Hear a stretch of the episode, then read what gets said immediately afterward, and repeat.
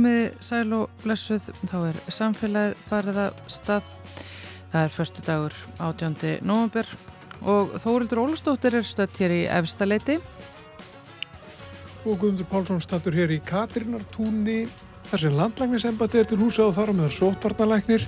Að tala við Guðrún Aspelund, sótvarnalækni, hérna eftir smástund um síklarlif og síklarlifja ónæmi. Það var að ljúka hér málþingi um það uh, hér áðan. Meiru það eftir smástund.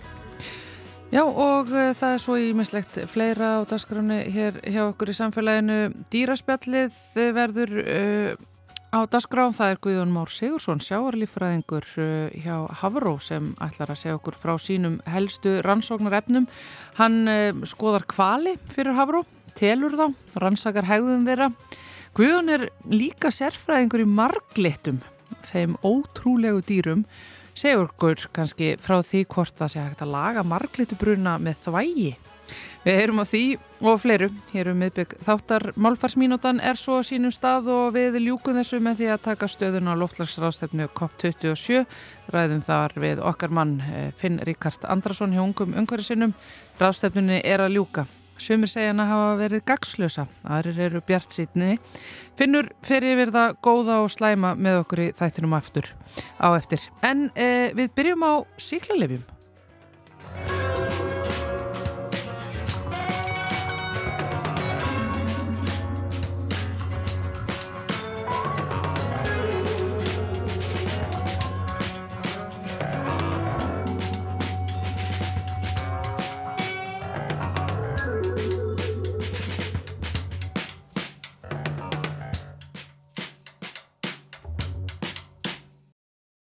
Þá er ég komin ykkar upp á sjöttu hæð í Katrinar túni turninum þar. Þar er uh, landlæknisembættið til húsa og þar á meðal sóttandalæknir og Guðrún Aspelund sóttandalæknir er hér. Hér var að ljúka uh, málþingi um síklarlifja nótkun, síklarlifja ónæmi. Þetta er vaksandi vandamál um allan heim, hér líka eða hvað. Sko, það kom fram þarna að það er ekki Það er ekki mikið um uh, síklarlifja ónæmar bakteríur eða fjölónæmar bakteríur eða hva, hva, hvað við kallum það. Uh, á Íslandi, þetta er ekki landlægt á Íslandi eða hvað? Nei, við erum, höfum staðið okkur vel í þessu að það er ekki, það er ekki algengt hér og við erum svona neðarlega á listanum efilega um það sem þetta er algengast. En þetta hefur samt aukist hérna síðustu ár og það er á meðal fjölónumar bakterjur. En uh, þannig að við þurfum bara að halda áfram að fara varlega þessum efnum og, og, og auðvitað íhuga hvernig við not, notum síklarlið og að, annað sem að kemur þessu máli við eins og sótvarnir. Eða aðeins að, að bara skilgjuna vandamálið. Síklarlið hafa verið notuð í, hvað er þetta, er þetta ekki hundrað árnæstu því sem að síklarlið hafa verið notkuð, það verið að nálgast að, er þetta ekki hérna á, á þriði áratögnum sem að pensilínið er fundið upp, veist það hvað stið. Um, síðan er, hefur alltaf aukist uh, notkunnin uh, og er orðið þannig núna þá að bakteríunar er búin að aðlaga sig þessu og það er komin að kynnslóður af bakteríum einhvern veginn sem að, sem að þóla síklarlifin og, og, og einhvern veginn er þetta ekki bara þróunin einhvern veginn, þetta er ekki bara þróunarkenningin í praxís að það veljast kynnslóður sem þóla síklarlifin og það verður þess að það er búið slá opnin úr hendunum okkur. Jú, það má segja það. Það er alveg rétt hjá þér. Pensilín var uppkvötað 1929 uh, og það er svo merkilegt að þegar Alexander Fleming fekk Nóbusvælunin 1945 að þá hafði hann orða á þessu hvort að bakteríuna myndu eða gætu aðlega að segja síklarlíðanum. Þannig hann var framsýtn í þessum efnum. En svo var það ekki fyrir 2014 sem kom fyrsta skíslan hjá Alþjóða heilbríðismálstofnunni um þetta vandamál. Og þá var ymmið tala um þessa hluti sem við erum ennþá að tala um. Ofmikla nótkunn, ef að of breyðvirk lifir er nótuð og ef við myndum fá svona fjöl ónamar bakterjur. Og þeir vöruð ymmið við þessu, hvað myndi gerast ef að það kæmi tímabil þar sem að síklarlifin okkar myndi ekki virka lengur og við hefðum ekki nýj að þá væri þetta svona afturför til þessar skjálfilegu fortíðar þegar að algengar og síkingar sem við núna teljum bara daglegt brauð, tvakfara síkingu, lúnabólgu sem er hægt að lækna ef að það, ef við myndum fara að deyja aftur úr þessu eins og var hérna öldum áður. Þannig að, um, jú, þetta er eitthvað sem er kannski viðbúin en við þurfum þá að fá ný lif en við getum líka að spórna við þessu með því að passa okkur svolítið hvernig lif eru nótið. Hvaða bakterjur eru þetta sem eru svona mest tilvandraða sem eru þá þarf að beina sjónu sínum sérstaklega? Það eru margar. Uh, það eru stæfjölukokkar sem valda húðsýrkingum, blóðsýrkingum, lúnabólgum, það eru numokokkar sem valda ymsum sýkingum, E. coli, þetta eru fjölmargar bakterjur sem geta orðið ónamar uh, og það er bara mismunandi hversu ónamar eða fyrir hvaða livjum en það er svo komið að það eru einstaka bakterjur sem eru ónamar nema fyrir kannski mjög fáum eða einstaka livjum og það er það sem að fólk hefur áhugjur af e- ef að það koma þessi stopnar sem að engin liv hugsanlega virka á. Og þá eru við þetta komin í veruleg vandræði. En er þetta þannig að sko það eru bakterjur sem valda ákveðinu sjúkdómum sem að verða ónæmar? Er það tilfellið? Eða eru við að sjá nýja sjúkdóma e, vegna, vegna þessa ónæmis? Nei, þetta eru svona bakterjur sem verða ónæmar fyrir síklarlifin og þetta eru þá ákveðni stopnar af bakterjum sem við þekkjum vel sem eru þá ónamar. Það getur verið uh, í rauninni sama bakterjan en hún getur verið annarkvært næm fyrir síklarlifi eða ónæm fyrir síklarlifi. Og þá ekki endilega öllum síklarlifum, heldur þeim sem við erum að nota og eru algengust. Uh, og þá erum við komin á þann stað að það þarf að nota mjög sértæk uh, síklarlif sem við viljum reyna að spara. Uh, og það er ekki, ef við þurfum að nota þau meira og meira meira, þá er hægt á að bakteríuna verði síðan ónamar fyrir þeim og þannig kolla kolli, það er það sem svona gerist. Þessi breyðvirkulif, eru þau, er það vandamála? Það séu notu svona breyðvirklif frekar en sértaklif og af hverju er það þá vandamál? Uh, ef að breyðvirklif eru notuð of mikið, þá er það svona, ef maður segja sem svo, að þá geta bakteríunar vanist þeim og myndað með sér ónæmi það tekur auðvitað einhver tíma en það er það sem gerist þessin er betra að nota þröngvirk liv alltaf þegar það er hægt og það hefur reyndar verið nokkuð gott hér á landi. Við erum ekki uh, almennt að nota mjög mikið af breyðvirku lifum við berum okkur saman við aðra og til dæmis ekki ná spítalónum hér. Og það er bara gott mál. En stundum þarf við að grípa til þessar lifa þegar ekkit annað dögur til. En, en er það þannig að það er alltaf að vera til ný og ný síklarif? Erum við alltaf að finna ný og ný uh, síklarif sem við getum notað gegn uh, hinn og þessu? Það sé notið ákveðin tíma og aftur þá lendur við hættu á að, mynda, að myndast ónæmi? Ekki endilega, það hefur ekki verið svo mikið um það og það er kannski ekki aðal, um, hvað ég segja, vaksta brotturinn hjá lífafyrirtækjum að þróa eða búa til ný síklarif. Eh, það hefur, svona markaðun hefur ekki alveg verið þar og, og það er eitthvað sem að auðvitað maður myndi vilja sjá en um, það er líka kannski margar ástæður þar að baki og svo er ekkit alltaf hægt bara að búa til og ný líf. Þannig að um, það, við getum ekki treyst á það að, að það verði bara alltaf til að komi ný líf eh, eftir þessum bakteríunar breyta sér. Það var talað um, á, á þessu málþingi var talað um spari líf það var kallað sparilif og þú einmitt um þessi, þessi, þessi líf sem við reynum að, að spara til þess að, að, að um, geta nýttu þegar áþarf að halda. Um, hvernig staðan á því eigum við þessi líf og eru við nú, förum við nú að geta með þú sparlega, svo notum nú það þetta? Já, ég held það nú. Uh, en uh, það er, er ágjöndur af því að ef að það dugur ekki til ef að bakteríunar ná yfirhendinni og það er, geta verið bara snjallar með það en við eigum alveg þessi líf og þau eru nótuð sparlega hér og, og, og, en það er svolítið mísand ástand í heiminum sumstaðar eru síklarleif nótuð mun frjálsleira en hérna. Uh, sumstaðar eru þau seld í apotekum jafnvel án livsíðels og þannig að ástandi er bara mjög mísjáft og þetta er mandamál sem er allstaðar í heiminum. Og það kemur okkur við það, þetta, það snertir okkur auðvitað.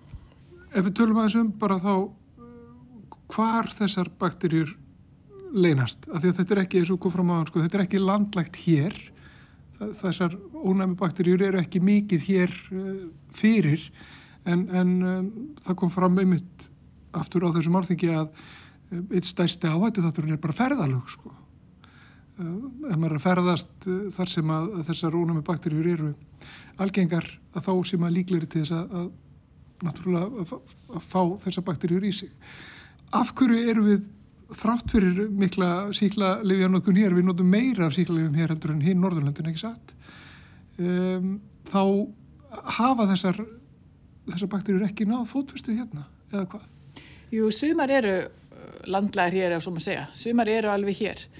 Um, eins og bakterjur sem er kvöldið mósi sem er stafilokokkus sem er um, ónæmur fyrir ákveðinu lifjum en svo eru aðrar sem að kannski fyrir nokkrum árum greindust bara í fólki sem kom erlendis frá.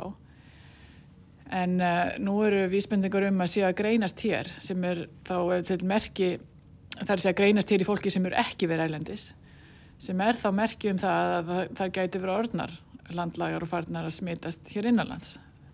En þetta í þessu tilveiki eitt eða tvö tilveik svo við getum ekki alveg fullirt um, en það er alveg rétt að nótkunn hjá okkur er meira en á Norðurlöndunum almennt og helsta nótkunn síklarlifja bara allstaðar er utan spítala. Um, en það er bara ekki svona einfalt uh, samingi greinlega að milli að það sé bara nótkunnin og ónamið því að ónamið er tölverð látt hérna almennt en nótkunnin meira en á Norðurlöndum. En nótkunnin er lítil á Norðurlöndum. Þannig að okkar nótkunn er til dæmis minni en almennt í Evrópu eða svona bara í meðalagi það eru allavega fjölmörg lönd í Európu sem nota miklu meirinn við. Þannig að, en það er eitthvað annað sem kemur til. Þetta er ekki bara nótkunnin, það er alveg rétt. En við vitum ekki alveg nákvæmlega hvernig þetta uh, verður til. En það sem við getum haft áhrif á er sannlega nótkunnin, ekki sett og er það ekki svolítið tvíegja sverð að, að ætla sko að það er að, að við getum nýtt þessi lif til þess að bara reynlega bjarga mannslífum e, og svo erum við að reyna að sporta gegn því að nota þessi lif af því, af því að það getur verið hættulegt. Ymmitt og við viljum alls ekki vera að koma þeim skilabóðum út að síklarlif séu slæm. Þetta er náttúrulega stórkostlu uppgötun og, og, og bæta hilsu og lengja líf. Og margt sem væri ekkert að gera á örugan hátt eins og skurðaðgerðir eða ímislegt nema að hafa síklarlif og nota þau. En um, það sem við getum gert að því við vitum jú að notkunnin tengist ónami en þó við vitum ekki um alla aðra þætti að, að þá getum við reynd að mæla fyrir skinsalegri notkun sem við kallum og það er að nota síklarlifin um, á réttan hátt. Uh, þá eru að tala um þau lif sem að eiga við í þenn tilveikum sem uh, þau gera gagn. Og á réttan máta þar að segja í réttan tíma og réttan skömmtum og slíkt því það getur mingað hættuna á að, að ónæmi myndist hjá bakterjum. En, en er þetta, hvernig, hvernig gengur þetta að koma þessum skilabóðum og hvert þurfa þau að berast þessi skilabóð? Er það til lækna, er það til heilsugjæslunar sem náttúrulega vís ávísar mestu magni af síklarlegu? Hvert þurfa skilabóðum að berast og er þetta ekki sannindi eða þekking sem, að, sem er í kerfinu sko. Vita heilbríðstarfsmenn ekki að það þarf að nýta þessa, þessi lif skynsanlega? Jú, þeir vita það og þeir hafa staðið sér mjög vel. Um, Heilsugjastlan hafði mitt frumkæða því og, og var í saminu við sóttatanleikni uh, hér svona upp úr 2016 að innleiða leiðbynningar sem voru byggðar á leiðbynningum Svíja sem kalla strama leiðbynningar uh, sem voru þá svona já, leiðbynandi fyrir lækna um hvaða síklarleif og hvernig ætti að nota gegn síkingum og, og við þetta mingaði notkunnin. Læknar uh, tóku þetta til sín uh, og um, eins og þú segir þá er notkunnin aðalega hjá helsugæslunni bara þeir sjá flesta sjúklinga með þessi vandamál En það eru þetta aðri laknar inn á spítalum og, og sérfræðingar sem nota líka síklarlið og það er bara mikilvægt að halda þessu starfi áfram, uh, minna á þetta, uppfæra og, og að fólk sé vakandi fyrir þessu en það hefur vissulega minga nótkunn hér og, og bæst og eins og ég sagði þá er nótkunn á breyðvirkum lifjum ekki mikil. Svo það er bara, ég myndi sé almennt að þetta er bara mjög vel gert og og fólk á þakki skilir þar. En síðan er hinn hópurinn auðvitað almenningur og það hefur líka sínt sig að fræðsla til almennings er mikilvæg. Og þá viljum við alls ekki að fólk sé hrættu síklarlif eða vilja ekki taka þau þegar það við því það er mikilvægt en, en svo er hitt líka að, að fólk átti sig á að, að þau geta ekki alltaf gert gagn. Og þau geta verið skadaleg þau geta valdið aukaverkanum og þau gagnast bara ekki eins og við veirusíkingum og þá er engin hagur í að taka þau en, en getur þá bara valdið einhverjum vandraðum eins og aukaverkanum eins og niðurgangi eða útbrotum eða öðru óþáli uh, og um, það er þetta sem við viljum svona koma út og að, að, að, að sé, þetta sé ekki alltaf lausnin. Mm. Sko vandamáli er náttúrulega ekki lífin, vandamáli er bakteríunar sem að, sem að þóla þessi líf um, og þá kannski annað sem var einmitt rætt hér á þessu málþyggi, það eru er síkingavarnir. Það er mikilvægt náttúrulega líka bara að og eins og náttúrulega hefur komið ljós í COVID þegar allir voru mikið að passa sig og það var verið að fólk var einagrara, hitti færri uh, og syndi þessum, þessum svona síkingavörnum uh, sem við þekkjum orðið og þá mingaði þetta og þá mingaði líka að það var ávísað miklu minna af, af síklarlegum. Uh, þannig að síkingavarnir skipta líka máli.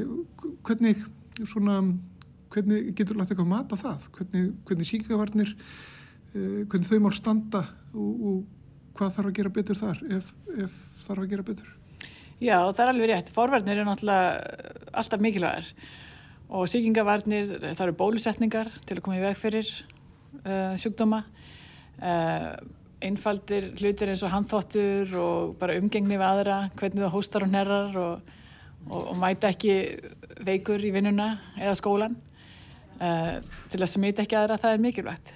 Því þó að flestar af þessum pestum um eitt séu veirusíkingar þá er það sem getur gæst er að þeim getur fyllt bakterísíkinga í kjölfarið. Og það er þá að koma í vekk fyrir það. Og svo eru sumar síkingar reynd frá bakterjum, matabornarsíkingar líka. Þannig að hreinleiti við mat og handþóttur og umgengni við slíkt er mikilvæg. Og þetta er allt forvarnir sem við kallum síkingavarnir sem að skipta máli. Og auðvitað við getum komið í vekk fyrir síkinguna þá þarf enginn að verða veikur eða að fá síklarlif. Eh, þannig að þetta er auðvitað stór þáttur bæði eh, utan spítala eins og líka inn á spítalónum að sjálfsögðu þar sem að fólk getur, þó það kom ekki inn með síkingu þá getur það gerst að fólk fái það og, og, og það, er, það getur borist þar á milli, milli starfsmann og milli sjúklinga geta svona síkingar, sko, þegar þú minnist á, á spítalan, geta, getur svona síking bara verið þráláta á spítalan, getur hún bara verið á spítalan? Bara ykkur bakterja sem að erfitt er að, slá niður? Já, það er hugsanlegt. Um, spítalar eru frekar aðhaldsamir í nótkunn og þar eru þetta sérfræðingar í þeim málum og, og flestum stöðum eins og hér er, er, er svona bara 10% af allir nótkunni er inn á sjúkrásum. Hún er í rauninni mun minn en fólk held í almennt heldur. Uh, en jú, spítalumhverfi er þannig að það geta verið eh, bakterjur þar sem að fólk getur fengið og stundum er það bara eitthvað sem gerist, það er ekki neinum að kenna eða eitthvað var ekki vel gert. En það er auðvitað hægt að reyna að koma í veg fyrir slíkt með því að, að, að, að sinna sótverðnum og sjúkrás hér og, og heilbríðstofnunir eru nú almennt vel vakandi fyrir þessu finnst mér. Getur þú svona í lokin eitthvað sagt okkur sko, er eitthvað, eh, er eitthvað stórt mál sem hægt er að gangi í, er eitthvað eitt sem hægt er að gera til þess að spórna gegn þessu þetta er, þetta er mikið vandamál eh, þetta ónæmi. Uh, og eins og þú segir á hann við getum hort upp á hérna eitthvað sem gerðist hérna fyrir hundra árum eða var algengt þá að fólk fekk alvarlega síkingar og jafnvel vektist alvarlega eða dó jafnvel. Um, það búið komið veg fyrir þetta með síklarlefum er eitthvað svona eitt stort sem hægt er að vinda sér í uh, og, og til þess að minga líkunar á að já, þetta ónæmi verði útbreytara hér og, og valdi miklu skada Já, það er uh, hægt að hafa áætlun um aðgerðir til þess að reyna að spórna við þessu og þá minga nótkunna og það hefur tekist til dæmis í Svíþjóð og Finnlandi að draga mjög úr nótkunn uh, með því að hafa samhæðar aðgerðir og það er núna mikil áhersla á, að, um, á þetta í mitt stóra mál sem er kallað einn heilsa, þar sem er samvinna og, og samstarf milli um, heilbriðsjónustu hjá mönnum og síðan landbúnaðar uh, og umhverfsmála því að þetta kemur allt inn í þetta hvernig síklarleif eru nótkuð, nótuð og, og hvernig ónami myndast og hér á Íslandi hefur nú verið lengi og er mjög lítil nótkun um, hjá dýrum. Og við á svona normunum á Norðurlandum stöndum okkur mjög vel þar og það er aðdánuvert um, en þetta þarf alltaf að koma saman og uh, það hefur verið unnin vinna í þessu uh, hér á landi. En við gætum kannski gert betur í því að vera með samhæðaraðgerðir bara á landsvísu hvernig við ætlum að taka á þessum málum. Uh, bæði eins og nefnir uh, á spítulum en einni utan þeirra. Einmitt. Sko ljúka þessu svona Guðrún Aspilund uh, sótandalagnir ég ætla að hleypa þér á næsta fund. Takk hella fyrir spjallið. Já, takk fyrir.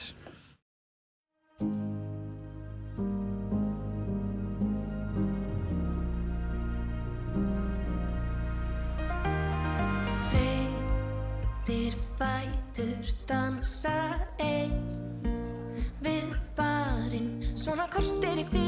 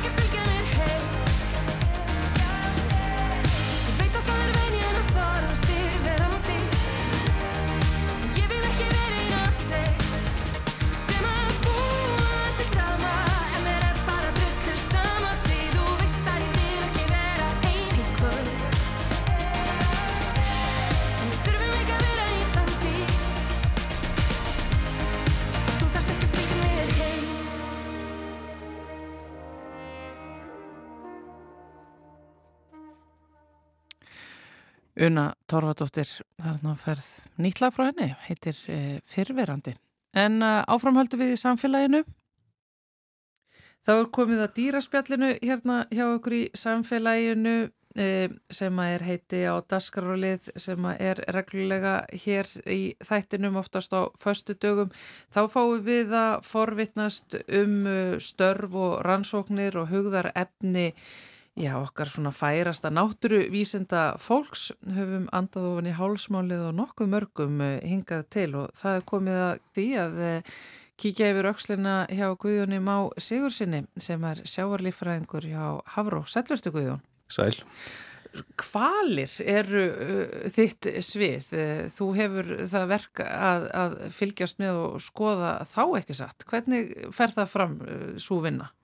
Það, ég er nú svo sem freka nýri þeim bransa en svona aðal markmið okkar er að meta stoppstærðir kvala við landið og svo setja það í samhengi við visskerfið þá, já, hvaða hlutverk þeir hafa við landið og hvað þeir eru að geta og, og svo framvegis. Sko, þegar kemur að telja kvali, hvernig ferður bara, ferður bara telur? Í, í rauninni er það bara svo einfalt. Það, það þarf náttúrulega skipuleg geta vel og það er farið á skipum og, og þetta er svona eins og í teiknumyndunum, það er kallar upp í tunnu að, að telja kvalina. Nei! jú, og, og hvað er þetta langar ferðir þá? Eða? Já, þetta er sem betur fyrir kvalir mjög langlíf dýr og það þarf ekki að gera þetta mjög oft. Þetta er gert á svona 8-10 ára fresti. Við erum að fara næst eftir 2 ár og það er seilt eftir ákveðin, fyrirfram ákveðinni leið, bara svona sniði, ákveðinum leiðalínum og þegar það er bjart þá er talið, þá eru menn uppi sirkur megin á skipinu, horfið sirkur áttina og þeir telja þá kvali sem þeir sjá og það er hægt að greina kvalina til tegund eftir lægin á blástrunum sem þeir gefa frá sér og eins ef það sést eitthvað meira þá er hægt að nota það til greiningar. Já. E, fyrir svona fólk sem er búið að vinna lengi í þessu, er það bara farið að þekki jáfnvel einstaka kvali bara? Það, já, jáfnvel sko. Og hjá sumum tegundum er notu við myndir af einkennum, útlitseinkennum til að greina einstaklinga. Við myndabanka af núubögun til dæmis og háró það sem eru, já, nokkur þúsund einstaklingar greindir út frá læginu og minnsturinn á sporðinum að þeim. Já. og svo er hægt að nota það til að sjá hvert þessir einstaklingar eru að fara. Við hefum fengið match, eða sem sagt sami einstaklingur hefur verið myndar á Íslandi og svo kannski nokkru mánuðu setna í Karabíska hafinu eða, eða við strandur Afríku.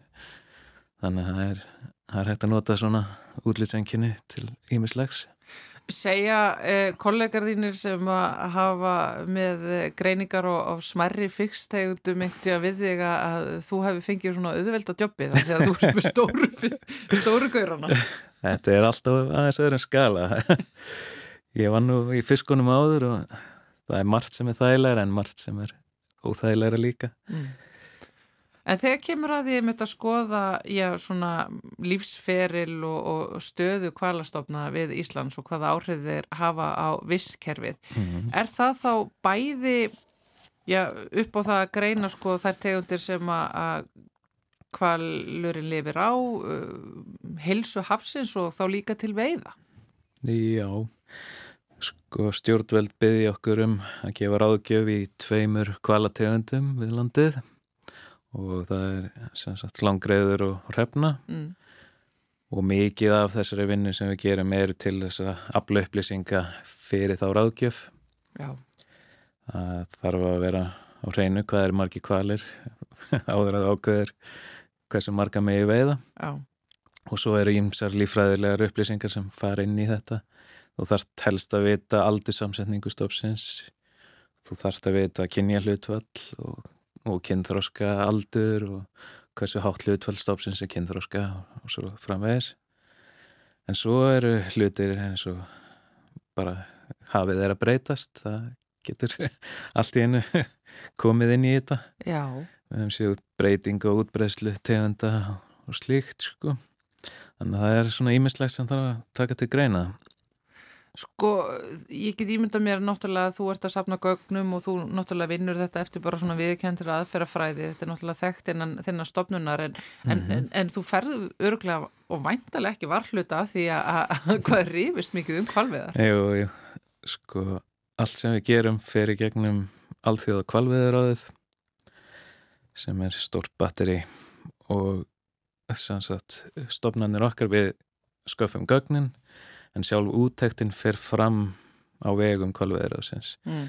og þetta er bara svo pólitíst að, að það myndi enginn treysta okkur bara til að gera þetta sjálf þóttu við gætum það í rauninni alveg þá sem sagt þeir meta stoppstærðina og svo svona loka skrefið að ákveða aflamark það er gert hérna heima Mm. og það þau vill ekki gera það en, en það ger allt annað Þetta er búið að skrítin heimur. Já, hann er það sko Finnst þér, já, þægilegt að vinna í honum sem bara þessi líffræðingur, sem þessi svona greiningamæður kvala? Já nei sko það, maður, það eru mikla tilfinningar í þessu já. á bóða bóa en maður reynir bara svona láta vísindin tala sínu máli og Já. Ekki fara í, í politíkina Nei, nei, það er bara einmitt ágætt kannski og, og örglega einhver frelsi bara einmitt að fá að halda sig við það. Já, já, Ég tel kvali. já Í þessum kvalatalningaferðum þegar þið eruð að- greina, sko, hvað finnst þér vera, já, hvað finnst þér helst að kvalitnir sé að segja okkur svona upp á síðkastið? Eh, Ertu farin að sjá einhverja svona, einhvern svona einn söguþráð? Rauðan, rauðan þráð? Sko, kvalveðar voru náttúrulega bannaðar í heiminum í kringum 1980 eða, já, á nýjunda áratugnum. Það var sett allserja bann eftir mikla ofveiði og eiginlega eftir það má segja að allir kvalastofnar eða, eða langflestir sjá mikill uppleið. Þeim er að fjölga í heiminum. Mm Tegundir sem voru í, í bráðri útrýmingahætti eða útrýmingahætti eru það ekki lengur og flestir stofnar hafa stækkað töluvert. Svo hefur líka útbreðslan verið að breytast. Við sjáum til dæmis núfubögg sem var bara alls ekkit algengur hérna við Ísland fyrir ekkit svo mörgum árum. Það er allt í hennu komið allir ferðir fyllir að núfuböggum. Já. Á hverju? Er þú út að eru- eru að fjölga? Þeir, þetta er blanda báðu sennilega, þeim er að fjölga og eins er þeir að þeir alltaf fæðina og fæðan kannski að færast aðeins norðar heldur hún gerði hérna árum aður. Er þetta þá, já ég veit náttúrulega að við sem að fáum að sjá þá fagnum Mm, þessu, jú, en er þetta svona heilt, ef maður lítur heilt yfir þetta, er þetta þá fagnaðarefni? Þetta eru breytingar, það er spurning hvað það er því það svo. Það er einhvern veginn svo erfitt stundum að spyrja ykkur e, líffræðingar mitt að því hvort að breytingar séu að hafa nú góða í lífríkinu. jú, jú, það er mjög erfitt að segja. Þið getið ekki eins og svaraði sjálf fyrir ykkur. Nei, og á sama tíma við sjáum þessa breytingu á hana, útbreyslu hnúfuböksins og aukningu í stoppstærð í landið. Þá sjáum við aðrar tegundir kannski hópa Já, eins og hrefnan sem Já. var algengin á fjörðum og við Suðurland og hérna inn á Faxaflóa í gamla daga er farin norðar og hún er miðja útbreyslunar við landið eiginlega komin til Jan Mayen sko. já, en hún getur kannski aðeins annað en hnúfubökurinn þannig að þetta er, hún er kannski allt eitthvað. Til dæmis loðunan hefur færst norðar og þannig að þetta er svona þetta er náttúrulega allt tengt Er eitthvað svona eitt sem að eh, við eh, þessar rannsóknir þínur og vinnur sem að þeir eru þóttalega svona sérstaklega forvitnilegt eða skemmtilegt eða hræðilegt eða komið mjög mikið óvart? ekki ennþá sko en það er hvað segja maður? Maður er rosalega lítill þegar maður stendur við hliðin á fullvaksta langriði þetta er alveg svakalega stór dýr. Og við sem hluti á okkar vinnu þá þurfum við að taka síni úr lönduðum dýrum og við höfum skipst á að vera upp í kvalfyrði í sömar og þetta var í fyrsta sinn sem ég byrjaði ekki í þessu fyrir, fyrir tveimur árum síðan. Þannig ég mista af 2018 vertíðinni þannig að þetta var fyrsta kval vertíðin mín og þetta var, maður er ansið lítill þegar maður stendur öllin á þessum dýrum. Og sérstaklega þegar maður sér öll líffærin og slikt, þetta er bara svo risa stórt og þá saknaði ég fiskana það er ekkert mál að skoða magan í fiskina skoða magan í kval það er aðeins annað dæmi Ég myndi með það. Já, þe- þetta gerir mann auðmjúkan. já, þetta gerir, gerir maður það Mæta þessum reysum hafsins. já, En sko, taland um að því að þú ert, já, svona tiltölulega ný komin í kvalina, þá varstu mikill uh, sérfæraðingur í, í öðru dýri sem að ég verði eiginlega að fá að spjalla við þig, mm sem að er marglitan. jú, jú Á hverju velum að þau sér að- skoða það dýr sérstaklega?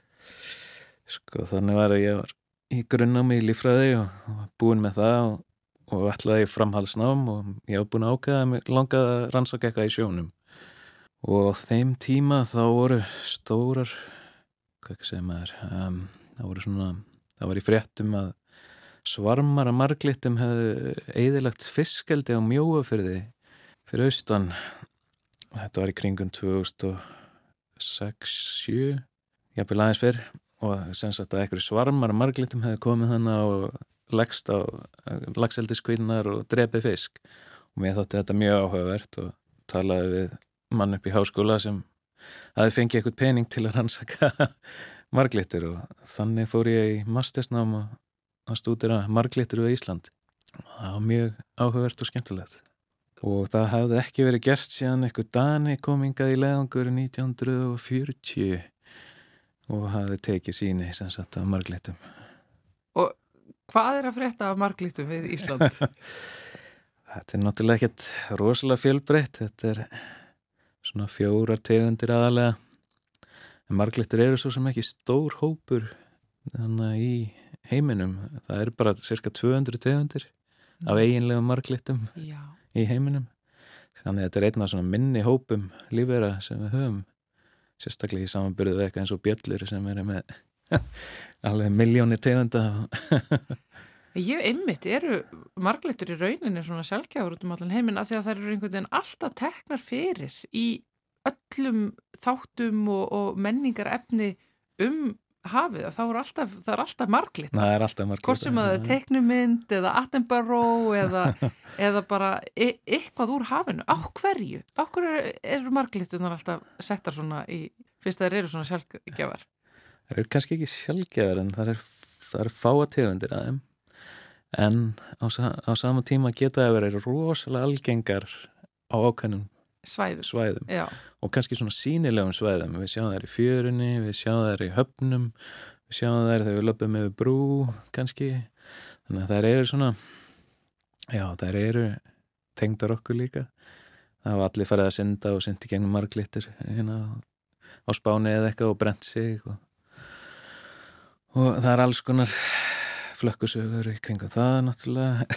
og maður sér náttúrulega hræin að þeim alltaf Jú, þegar maður fyrir í, alltaf í fjörunni. Já, já. Já, já.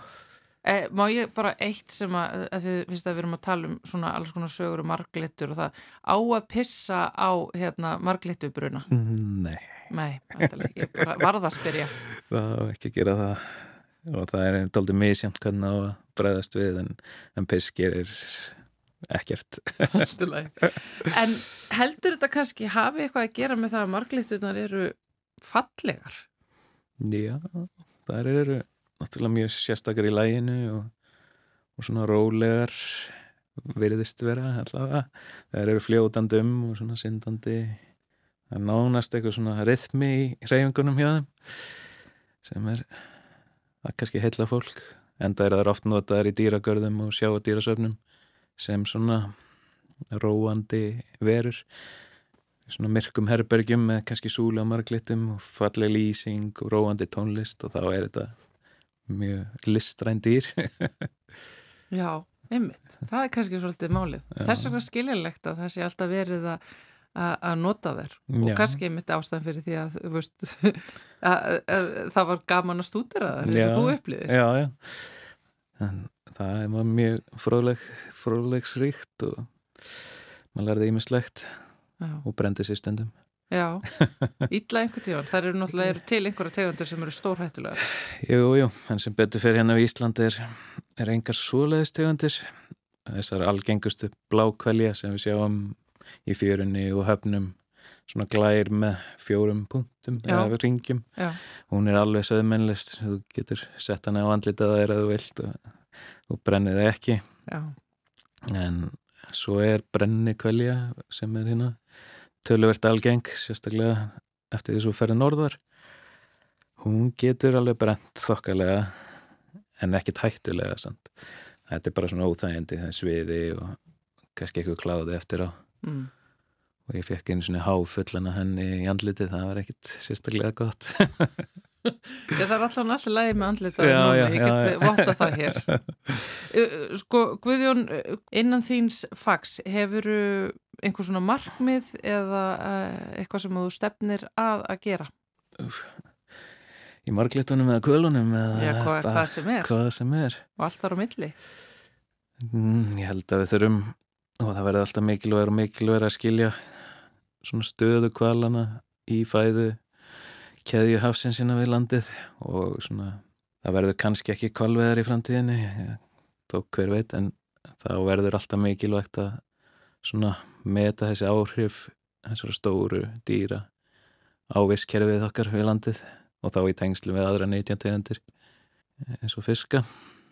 Þannig að það verður, það er svona stóra spurningin fyrir framtíðina hvernig tengist þetta allt svona visskerfis nálgun við fiskveðar Já, hljómar eins og þú ætlar ekkert að yfir, yfirgefa kvalina í bráð.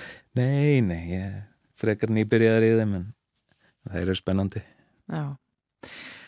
Guðjón Már Sigursson uh, sjáur líffræðingur hjá uh, Hafró, takk hella fyrir komuna hingaði dýraspjallið í samfélaginu. Já, takk. Og við um enn eftir að heyra í finni Ríkard Andrasinni, ungum umhverjusinnum. Hann er stattur á COP27 loftlagsrástefnunni í Egiptalandi. Nú hillir undir lok þeirrar rástefnu. Við ætlum að heyra hvað Finnur hefur að segja um það. En fyrst er það málfarsmínúta.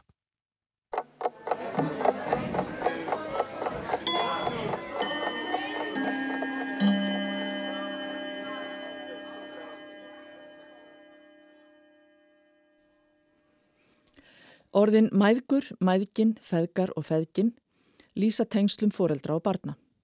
Málið flækist þegar finna þar orðum tengsl afa og ömmu við barnabörn sín. Nýjirða vefur átnastofnunar leggur til orðin langmæðgur um ömmu og dótturdóttur eða sonardóttur hennar og langmæðgin um ömmu og dóttursson eða sonarsson. Þau verðast ekki hafa náð mikill í útbreyslu. Stoltar ömmur setja stundum myndir af sér með barnabörnunum á samfélagsmiðla og skrifa þá sumar við myndirnar að þær séu af þeim ömgonum eða ömginunum. Það er aðtiklisverð orðmyndun, óvenileg orð, ömgur og ömgin, sem vekja aðtikli og kannski uppaflega sett fram í gríni. En þetta er sambarileg orðmyndun við mæðgur og mæðgin og í raun ekkert við hann að aðtuga. Dæmi um sköpunarkreftin í málinu sem kannski tekur svo litinn tíma að venjast.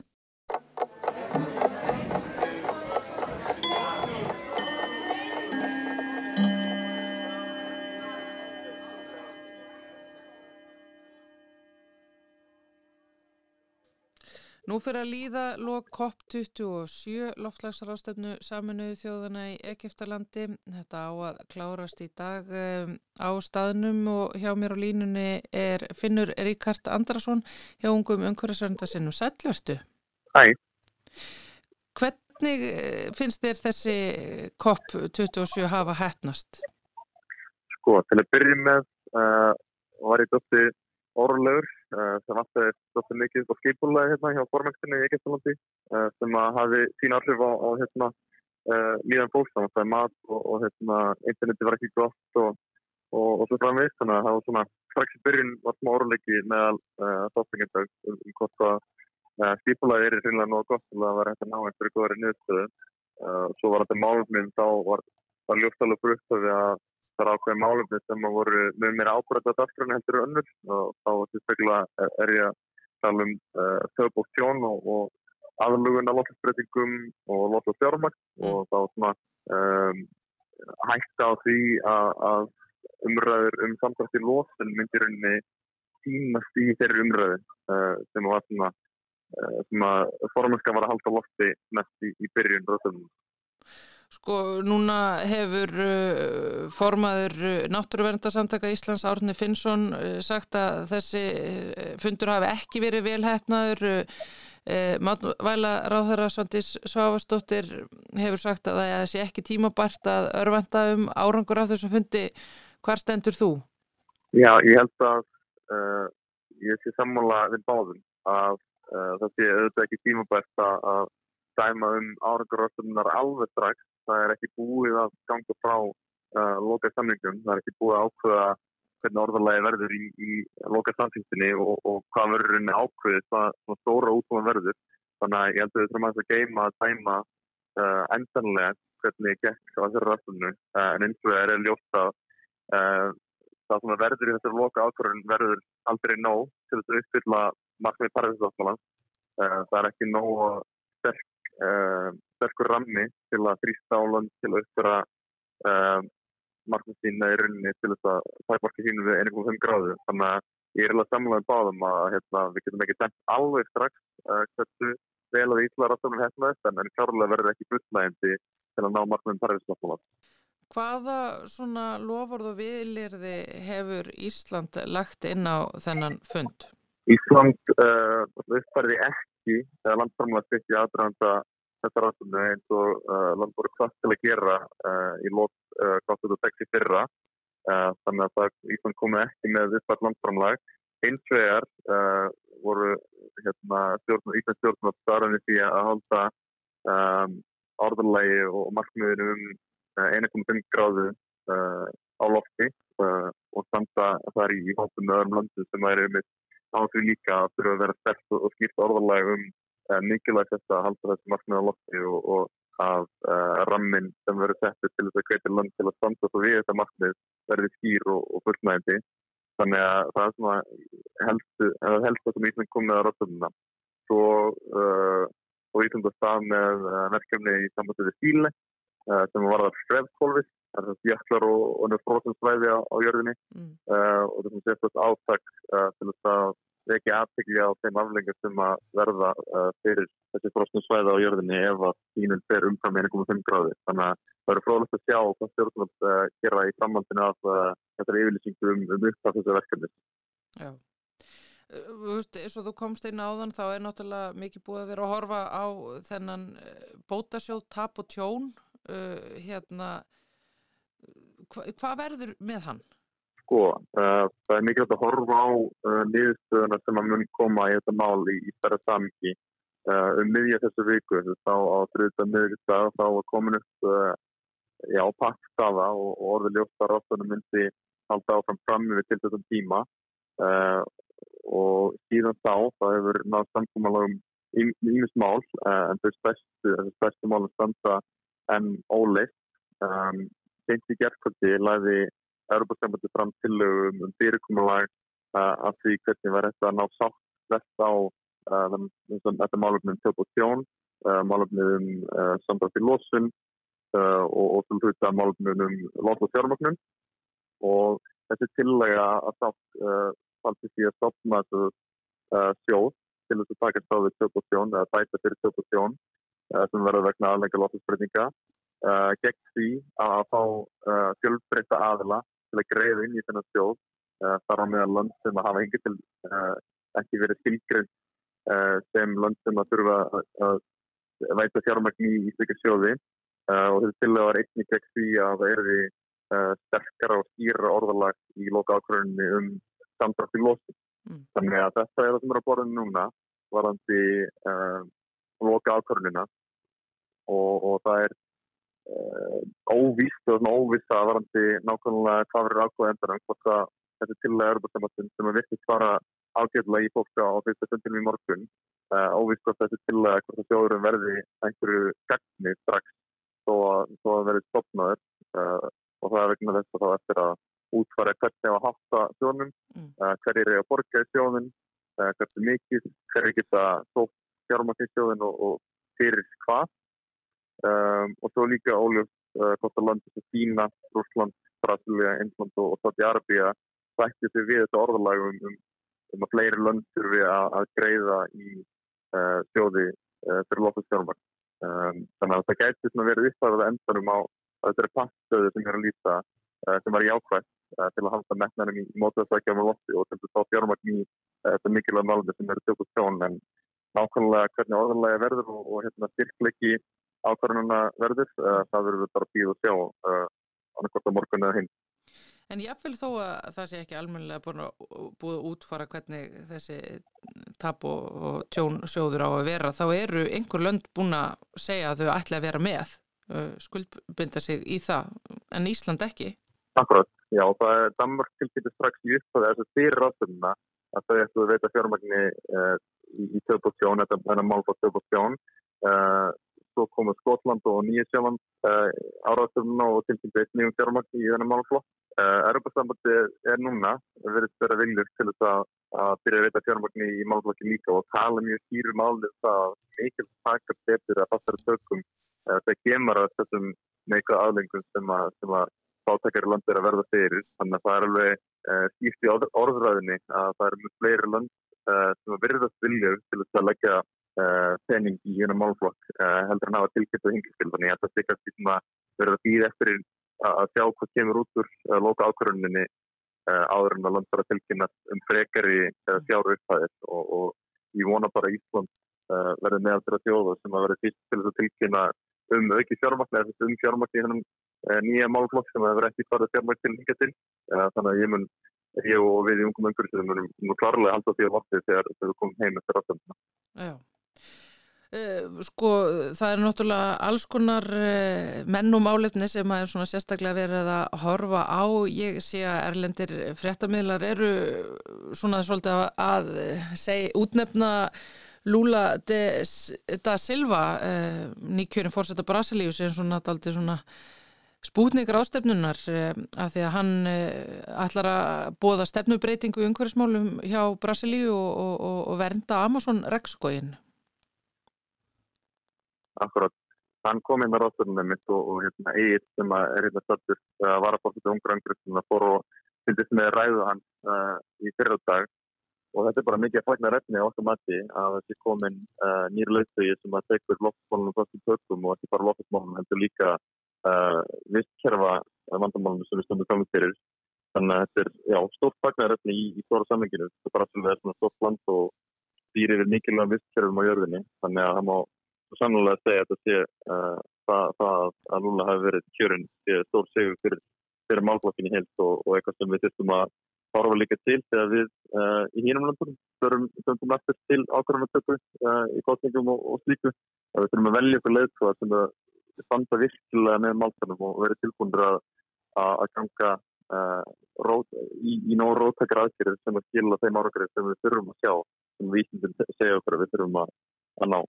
Mm. Þannig já, mikið segur fyrir slóðstæðu umhverfið að fá Lula eftir uh, sem borðsum på Brasilíu. Sko núna fer að líða heimferð hjá þér og, og, og öllum þeim þúsundum sem að hafa verið að sækja þessa ráðstöfnum margir farnir nú þegar þetta á að klárast í, í dag.